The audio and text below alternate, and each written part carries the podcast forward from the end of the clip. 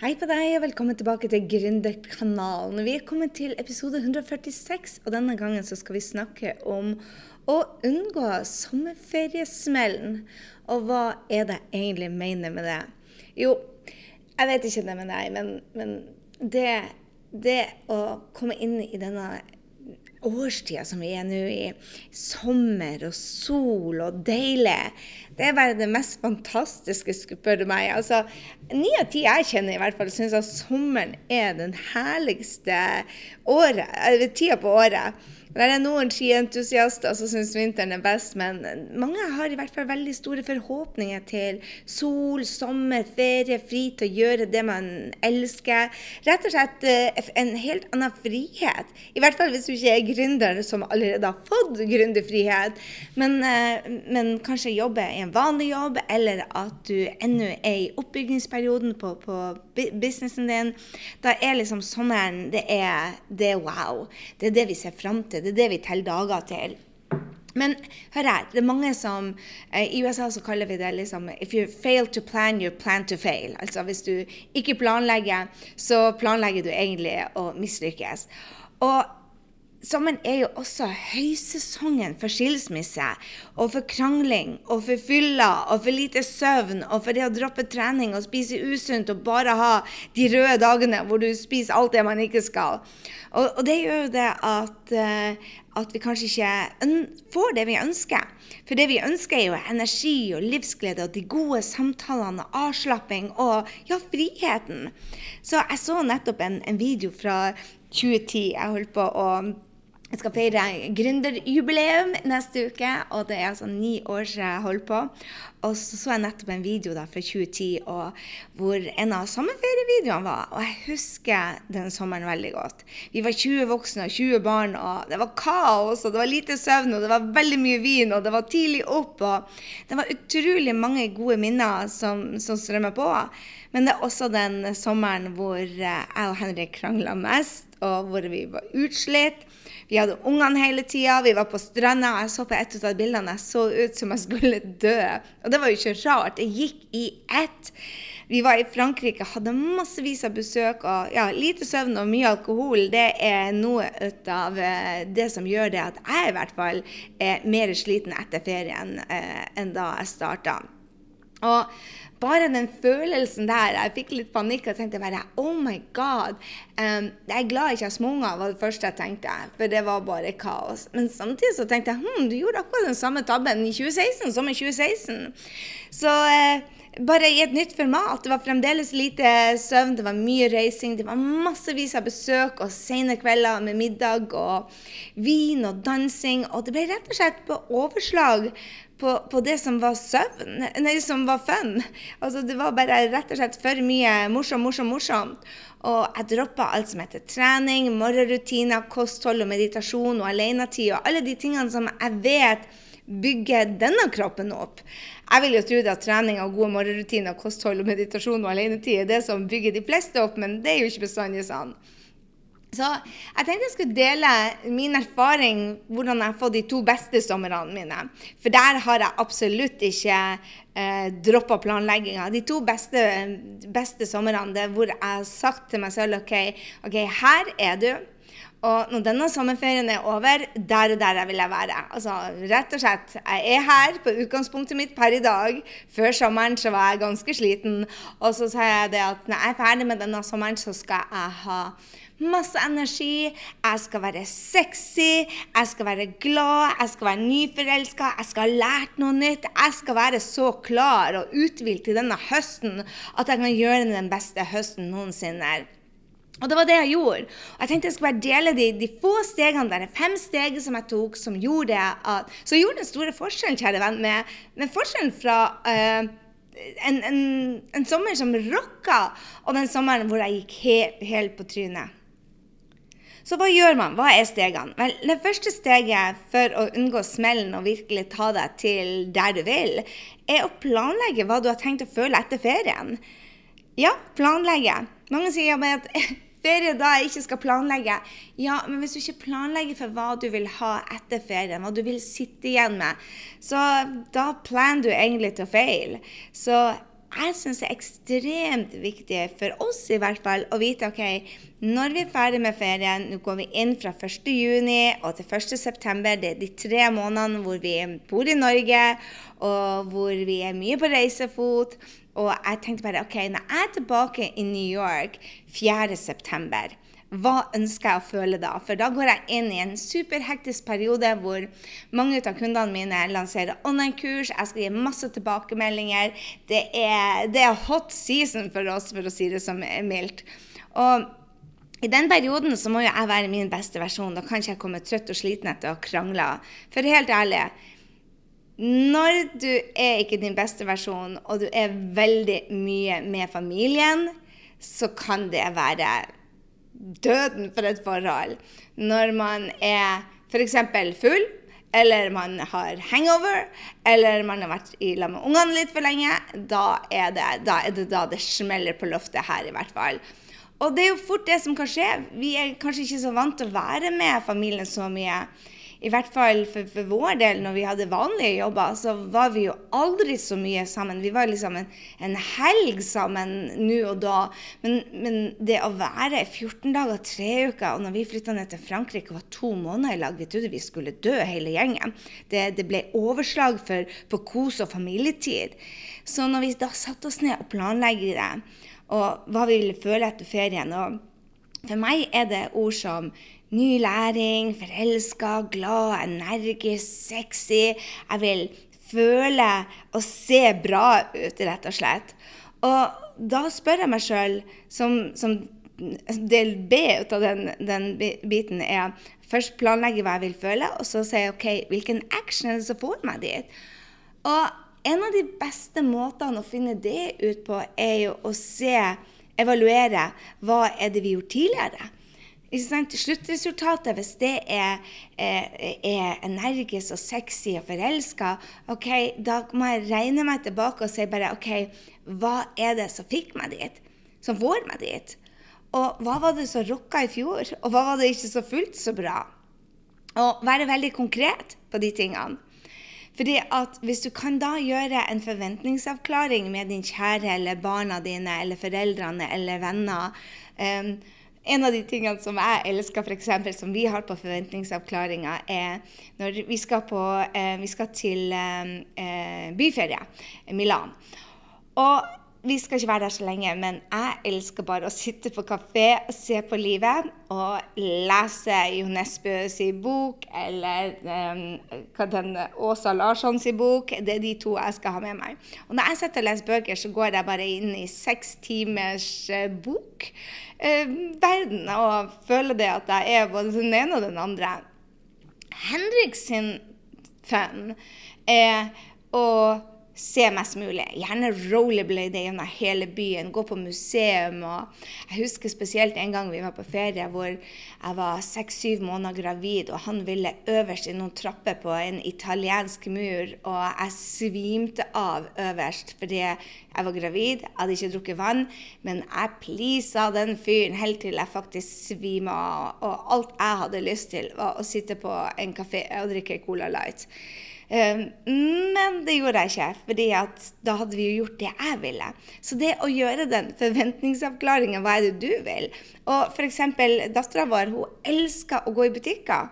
Og vi skal til Milan sammen, og for meg å gå i butikker åtte timer, det er bare er hell on earth. Så da planlegger vi.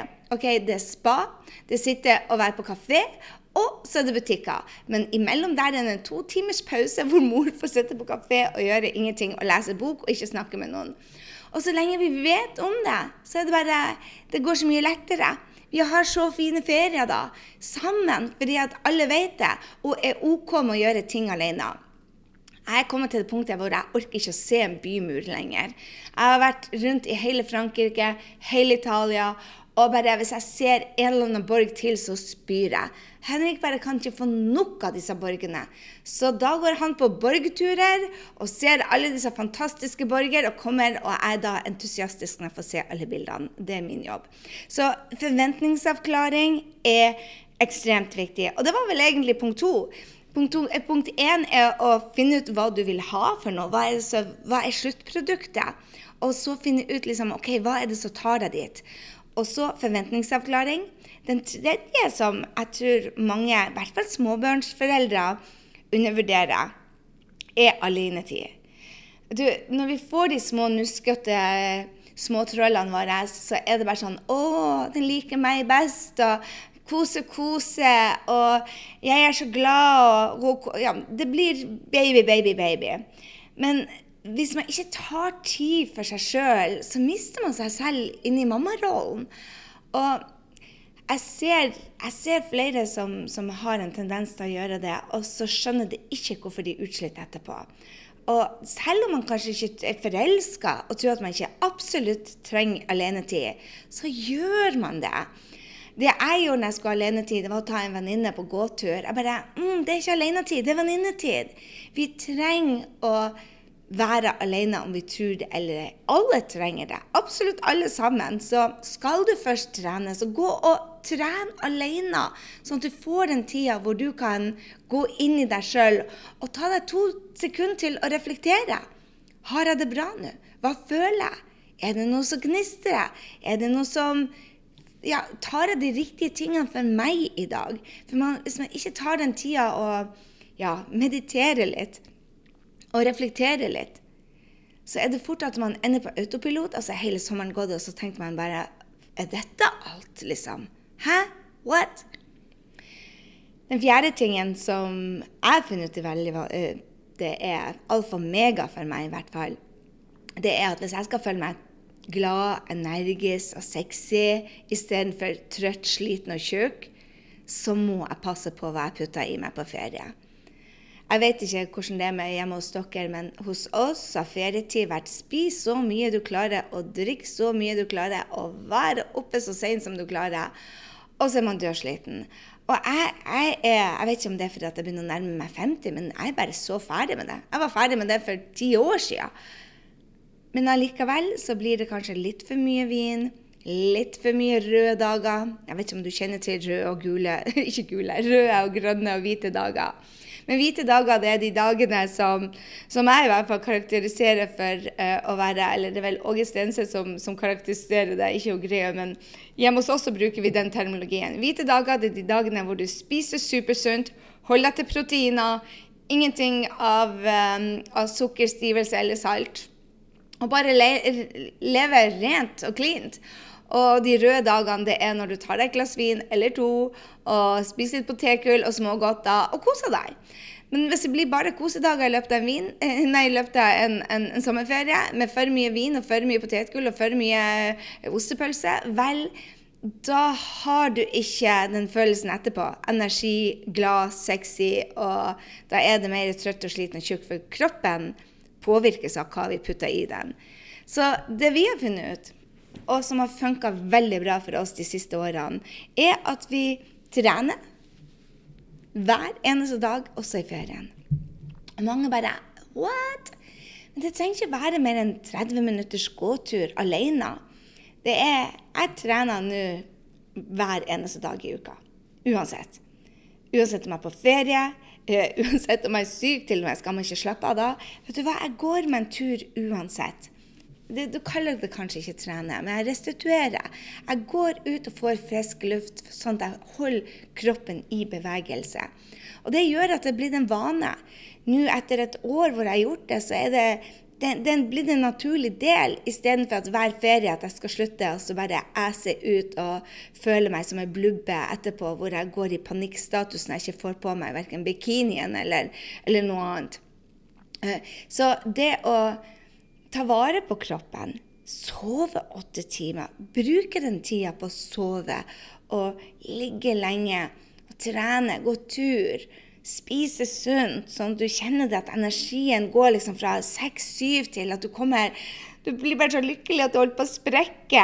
Det er det man gjør hvis man ikke putter alkohol og ostepølse hver eneste dag. Så det å være bevisst på det Vi har veldig klare regler, og mange tenker bare Er ikke det for strengere?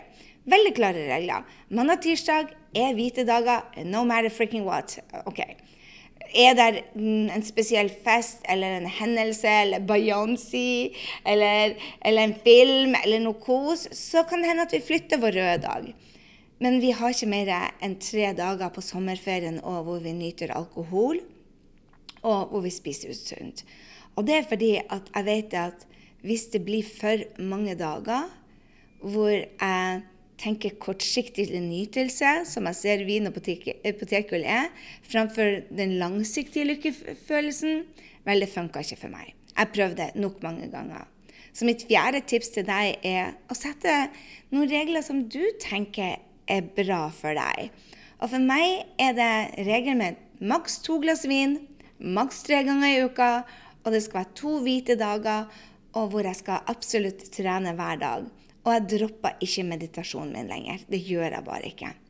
Den femte tingen som er litt rar Altså, Henrik og jeg har Jeg vet ikke om du er klar over det, men kjæresten min og jeg Å, guri malla, det var framskritt. Jeg kalte han kjæresten min. Kanskje jeg må kutte det ut, for jeg har ikke sagt det til han i det siste. Um, vi har gått gjennom en røff periode. Vi har vært separert i to år og bodd fra hverandre i to år. Og så har vi vurdert på om bare hmm, Har vi jobba nok for det? Har vi virkelig gitt vårt beste for å få det? Og det er ingen av oss som er klar for noe nye og heller ikke hadde. Og vi har vært usikre på hvor skal vi gå. Skal vi teste dette ut, eller skal vi trykke på den knappen og ta ut skilsmissen nå?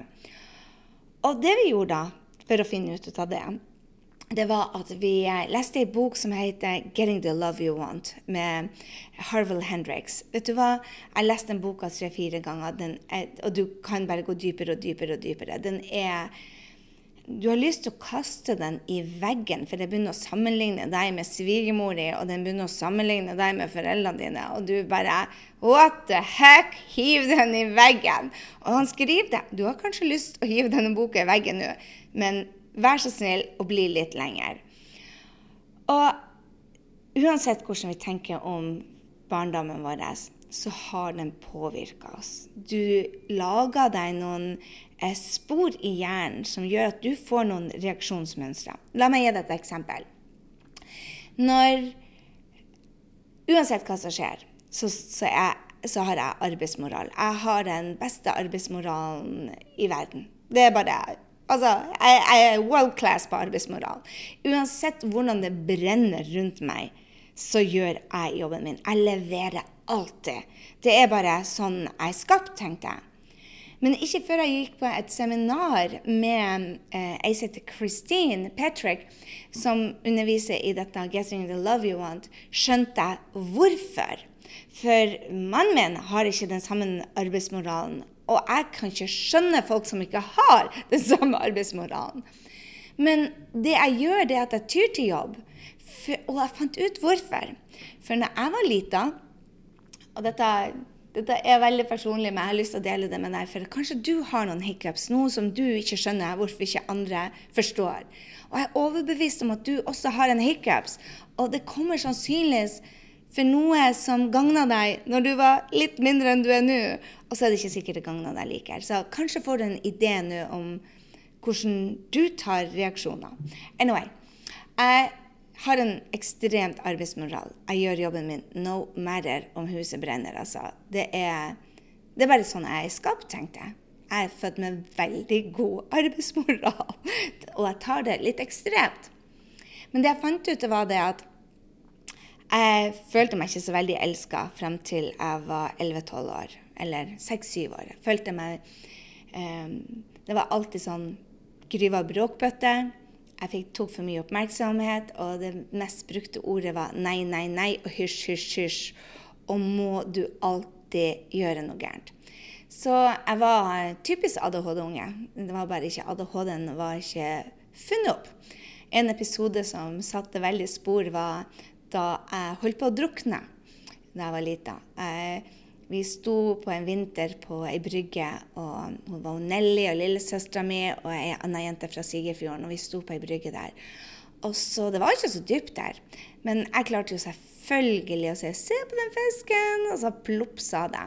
Når du da har på deg bobleteng, bobledress og det hele, så gikk jeg under og kom meg ikke opp. Selv om vannet nådde meg bare til, til magen, så kom jeg meg ikke opp, for klærne mine ble for tunge. Og støvlene var Ja, det var, alt var fylt med vann. Så jeg sitter Nelly hoppa ut, hun var et år eldre enn meg, hun hoppa rett ut og plukka meg opp og redda meg. Og da sprang de andre ungene som ikke var ute, bare 'Gry datt ut i vannet, hun holdt på å drukne'. Og det foreldrene mine sa bare og Jeg ble med ikke foreldrene mine, jeg gjorde mye rart. De sa bare 'Herregud, hva ikke den ungen gjør for å få oppmerksomhet?' Og så var det bare sånn 'Nå igjen!' Og jeg tar meg jo sjøl i å ha sagt det til min sønn innimellom òg, for å si det sånn. Men det var bare en av de tingene som som gikk inn på meg. Og hvorfor har jeg det til arbeidsmoralen? Jo, det som skjedde, det var det at når jeg begynte også òg godt på kaia på Andenes å jobbe, så begynte hun å rose meg. Hun sa Guri Magri, du er den første som kommer før du skal begynne på jobb. Jeg var tolv år, har fått meg jobb på lageret. Og jeg var den siste som gikk, for jeg fikk ros. Hun bare Å, de andre stikker fem på. Du blir til du er ferdig, Gry. Og så begynte jeg å jobbe litt raskere, og hun, og godt hun fortsatte å rose meg. Gry, vet du hva? De voksne på 35 år jobber ikke så effektivt som deg. Kan du tro hvor mye kjærlighet jeg fikk fra den dama der?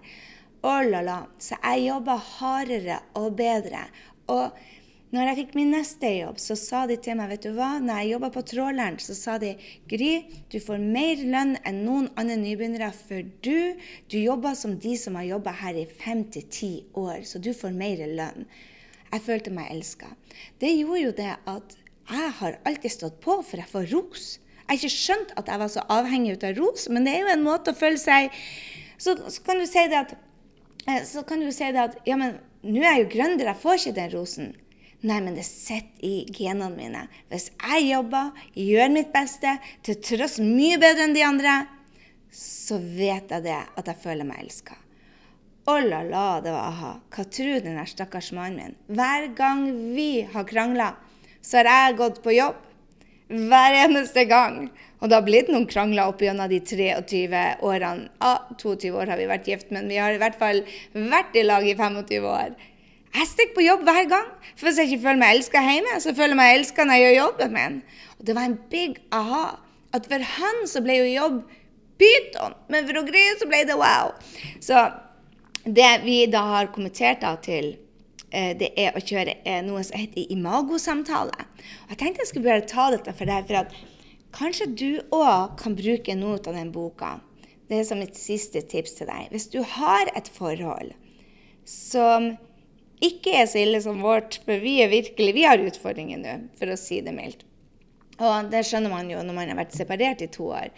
Men hvis du vil heller gjøre det som de som var på treninga sammen med oss som var nettopp begynt i lag, så øver vi oss på noen ting, og de øver seg på en ting. Og det var tre ting jeg tok med meg fra den workshopen. Én var å kjøre det som heter imagosamtale. Det er rett og slett å sette av tid dette var til de lykkelige parene, altså, så du trenger ikke å sammenligne med oss som ikke er så lykkelige. Du, de kjører en imagosamtale på 60 minutter, hvor den ene prater i 30 minutter, uforstyrra, og den andre lytter. Og han sitter bare ikke og ser på. Mm -mm, han gjentar. Forstår jeg deg sånn at du sier bla, bla, bla, og så kan du godkjenne? Og så spør han igjen var det noe mer rundt det.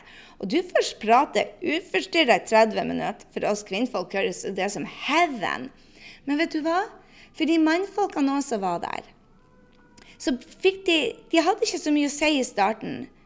Men når det ble stillhet, så fant de mer å si. Og de åpna seg, og de åpna seg, og de åpna seg.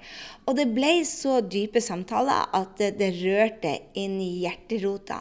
Så det å sette av 60 minutter hver eneste uke til en sånn samtale, er bare gull. Og det som var regelen da vi fikk fra vår eh, ekteskapsrådgiver, eller vår jeg vet ikke hva hun er for noe, underviser, det var det at man skulle snakke om noe som var bra.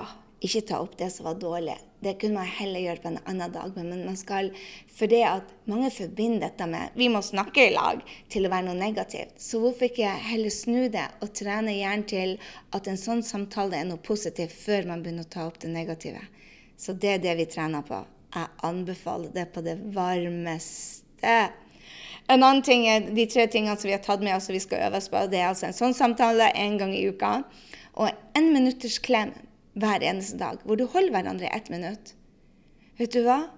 Vi har ikke klemt et minutt siden sist gang vi leste boka. Og det er bare en enorm intimitet du får. Jeg må innrømme jeg setter på klokka mi. Jeg gjør det. Jeg setter på klokka mi. Jeg syns ett minutt er så lang tid å gi en klem. Jeg så elsker klemmer. Men det er liksom sånn ti sekunders klemmer. Ett minutt, oh la-la. Teste ut på kjæresten din i dag, eller mammaen din, eller om du får ungene. Dattera mi bare 'Slutt med coaching-greiene, greier. Mamma. OK.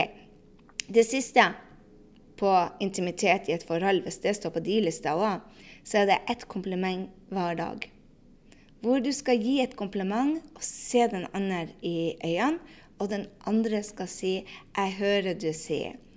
Og én du lærer deg å ta komplimenter. For når Henrik sa til meg bare 'Gry, jeg er så utrolig glad for at jeg får være med deg, for du bringer så mye energi inn i livet mitt, og det jeg elsker jeg'. Og jeg gjentok det.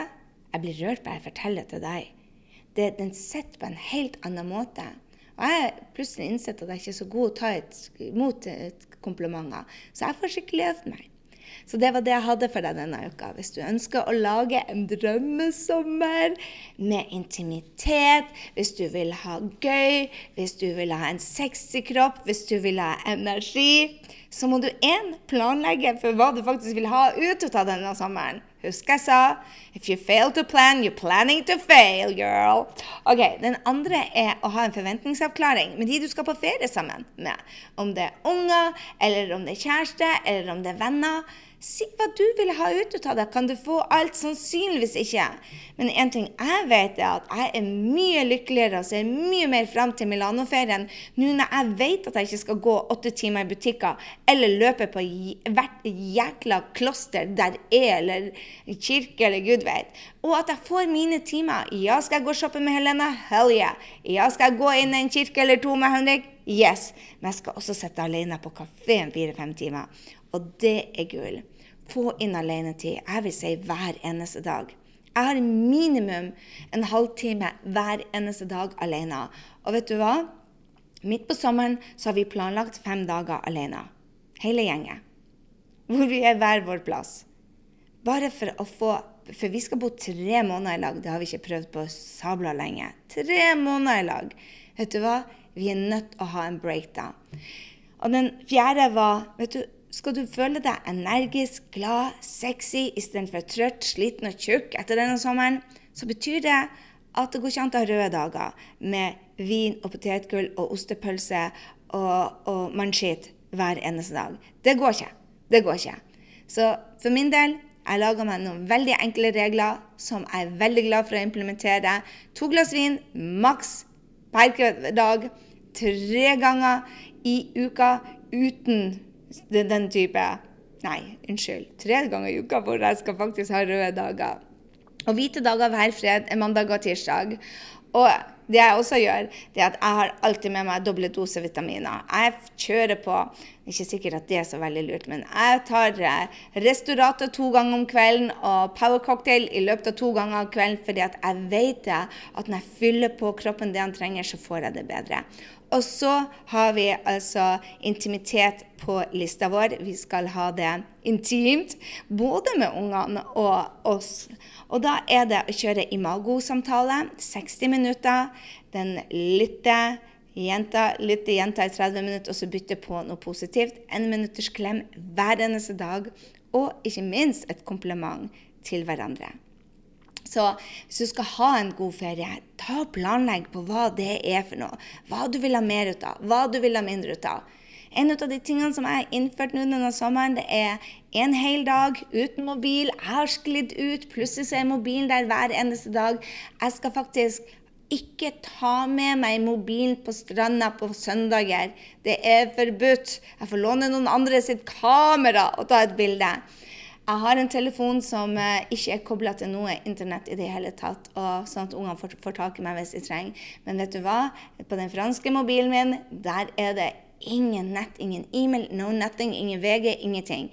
Og det er en av de tingene som um, ungene og mannen min sa bare Du er blitt litt Du sier at du ikke er avhengig av den mobilen, men vi ser den med den hele tida. Så nå er det ferdig klokken syv og av med søndagene. Så finn ut hva du må gjøre litt mindre ut av, og hva du trenger å gjøre mer ut av, sånn at dette blir den beste sommeren din ever. Hvis du skal gjøre den beste høsten ever, så må du legge grunnlaget nå. Lær ut av det du gjorde i fjor. Hvis du gjorde det, hadde den beste sommeren ever, gjør mer ut av det. Hadde du den verste sommeren ever, så gjør mindre ut av det. Men planlegg for å rocke. Planlegg for å ta det til det neste nivået. Og med det så sier jeg at Gründerkanalen tar faktisk ikke sommerferie. Neste uke så skal vi ha um, hvordan du skal bruke Instagram smart. Uka etter det så skal jeg dele mine ni år som gründer. Jeg skal dele altså absolutt hvordan du Det jeg har gjort gang på gang, er å snu nedturer til suksess. Jeg har noen gode tips til deg, så pass på det at når du ligger på stranda, at du tar oss med deg. Ha en strålende, strålende dag, og så høres vi i neste uke, kjære venn.